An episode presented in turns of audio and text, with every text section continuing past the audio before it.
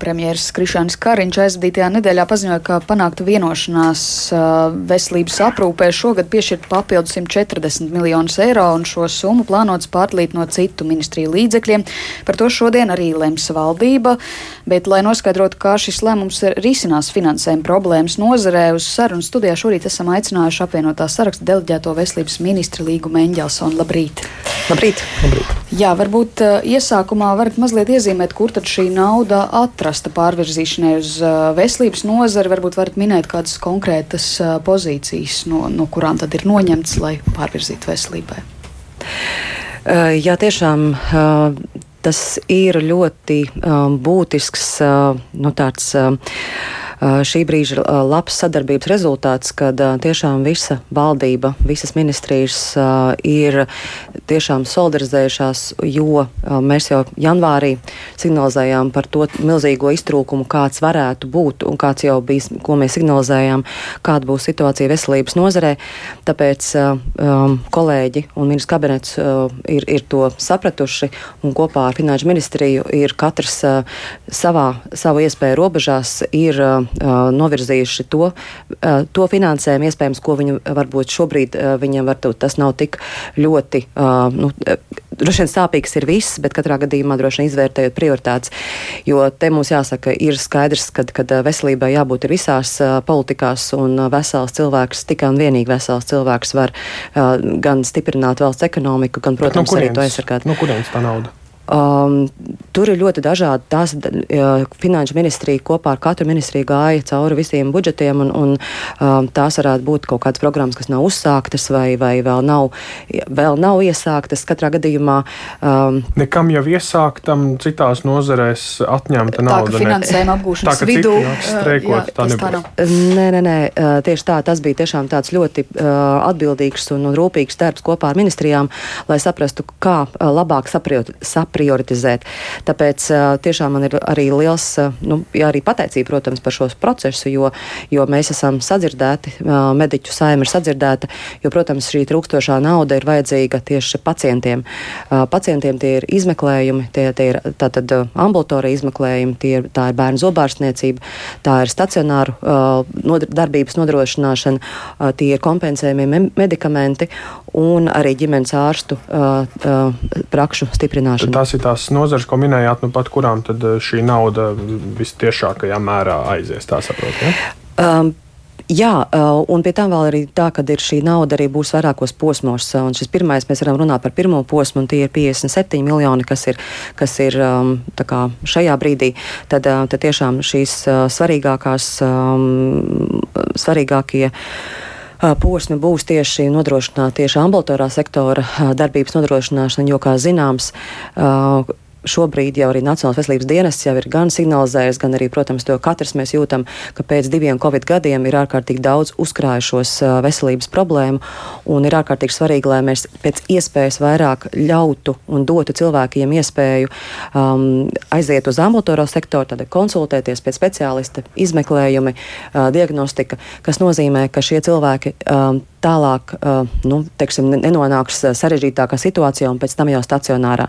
Tieši tāpēc ambulatorais sektors tas ir numur viens, un numur divi ir, protams, mūsu tāds, tomēr tāds sāpīgais punkts, tā ir bērnu zobārstniecība. Bet mēs šobrīd runājam par tādu nu, ugunsgrēku dzēšanu, par reizi caurumu aizlāpīšanu. Te nav nekādas runas par attīstību un inovācijām. Tieši tā, šeit mēs pat nerunājam arī par to, ka mēs rindas samazināsim. Mēs noturēsim rindas esošajā līmenī, nevis pagarināsim. Jo šo situāciju mēs signalizējām jau gada sākumā, ka, tas, ka tā tas ir. Un mēs pat nebijām reiķinājušies ar to, ka vēl būs 20% pieaugums tieši pēc izmeklējumiem, jo tiešām šī situācija un veselības um, kopējais stāvoklis pēc Covid ir tikai un vienīgi pasliktinājies. Tāpēc šīs nebūs tāds kā saka, kalna uzbērums, bet tāds uh, bedres aizlīdzināšanas, lai mums būtu līdzena, lai mēs varētu uh, normāli uh, arī nodrošināt arī to pašu stacionāru darbību līdz gada beigām. Bet runājot uh, par attīstību un jau par nākamo gadu un nākamā gada budžetu, pat labam droši vien norit jau darbs uh, pie turpmākā budžeta plānošanas nozarē, vai, vai tur uh, ir jau kādas šīs prioritātes un papildus līdzekļi iezīmēt, kas varētu to situāciju uzlabot? Jā, protams, uh, tur mēs arī uh, mēģinām saprioritizēt ļoti visus ļoti sāpīgos punktus, un tomēr mēs ārkārtīgi um, prioritizējam uh, sadaļu, kas mums ir ārkārtīgi svarīga tieši kompensējumie medikamenti. Jo, kā zināms, tieši ar kompensējumiem medikamentiem, ar inovatīvajām zālēm mēs varam izglābt ļoti daudz uh, darbspējīgus cilvēkus, kuri, um, un, un, un kurus mēs varam tiešām um, nevis uzreiz uh, tā būtu kāda sarežģīta operācija, bet tiešām uh, tas, ir, um, tas ir palīdzīgs. Uh, veikts. Tāpēc eh, tieši uz kompensē medikamenti, inovatīvie medikamenti, tā ir arī primārās veselības eh, stiprināšana un, protams, arī ambulatorais sektors. Tās ir tās galvenās lietas.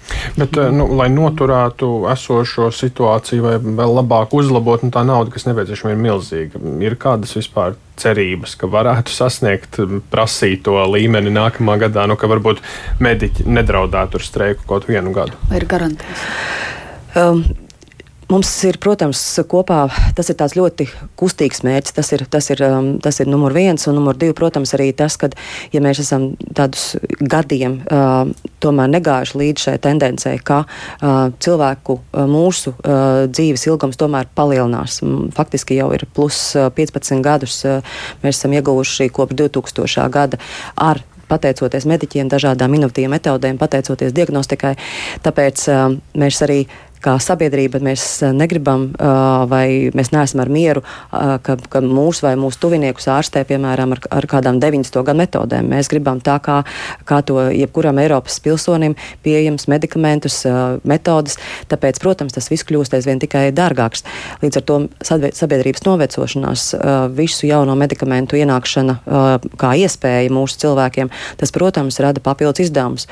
Bet te mums jāliek kopā, protams, ar gan IKP, gan budžeta izdevumiem, jo katras labklājīgas sabiedrības un drošas sabiedrības viens no pamata elementiem ir tāds, cik naudas tiek atvēlēts tieši veselības aizsardzībai.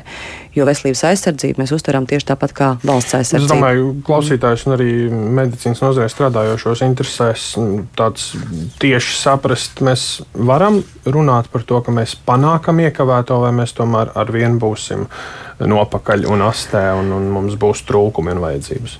Protams, ka mēs ļoti nu, cenšamies pēc iespējas dinamiski sekot līdz tām lietām, kuras, kuras ir vajadzīgas šobrīd, bet mēs nevaram. Tādu, kāds būtu pilnīgi vajadzīgs, tādu mēs nevaram noķert. Nu, tāds pat nav mērķis, varētu teikt, nākamā gada budžetā. Nu, tas būtu nereāli. Ja es tā saprotu. Mēs, protams, pilno, saka, pilno vajadzību listi tā ir, tā ir aprēķināta un iesniegta, un tās būs budžeta sarunu viens no pamatelementiem. Bet, protams, ka mēs liksim prioritātes līdzīgi kā arī šobrīd, kad, kad mēs saprotam, kas ir svarīgi tieši pacientiem, cilvēkiem. Līdz ar to, kā jau saku, šajā gadījumā mums svarīgi, lai cilvēks būtu pēc iespējas ātrāk pieejams speciālistam un tālāk jau diagnostikai, lai pēc iespējas ātrāk mēs uh, noķertu situācijas. Otrā lieta, kas mums ir ārkārtīgi jāstiprina, tā ir prevencija un, un, un uh, laicīga diagnostika.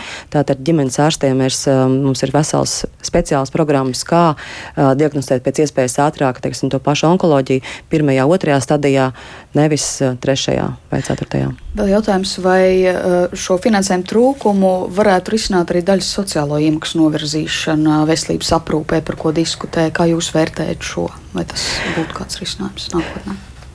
Šobrīd uh, tas ir. Uh, noteikti tāds ļoti lēns un atbildīgs process, jo, kā zināms, katrai, katram um, apdrošināšanas veidam ir pretī savas izmaksas, tāpēc uh, tā vienkārši mehāniski uzreiz uh, to izdarīt nevar, bet to var izdarīt pakāpeniski. Uh, virzoties uz to, lai no sociālā nodokļa būtu pēc iespējas lielāks procents veselībai. Šobrīd tas ir viens procents, tāpēc pakāpeniska pāreja teiksim, no 1, 3, 5, virzoties kā Igaunijā, tie ir 13% punkti.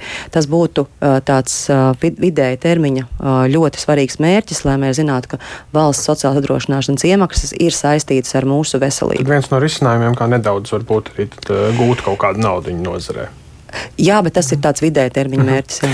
Un mm. tad saprotu jautājumi par šiem 140 miljoniem vismaz daļēji saistībā ar to būs šodien arī valdībā. Tiks eh, jau lemts šis jautājums. Tieši tā, lai tas būtu pēc iespējas ātrāk, un mēs eh, šo pirmo apropriāciju, lai sasniegtu gan ambulatoro sektoru, gan stacionārus un, un ģimenes ārstus, tad, tad ir, tas ir vajadzīgs valdības lēmums šodien, lai mēs, eh, jo, protams, ir, ir budžeta procesi un, un tā tālāk, un apropriācijas procesi, tāpēc tas nav tik arī viegli. Jā. Uh mhm. -huh. Šajā mirklī teiksim paldies veselības ministrei Līgai Meņģelsonai.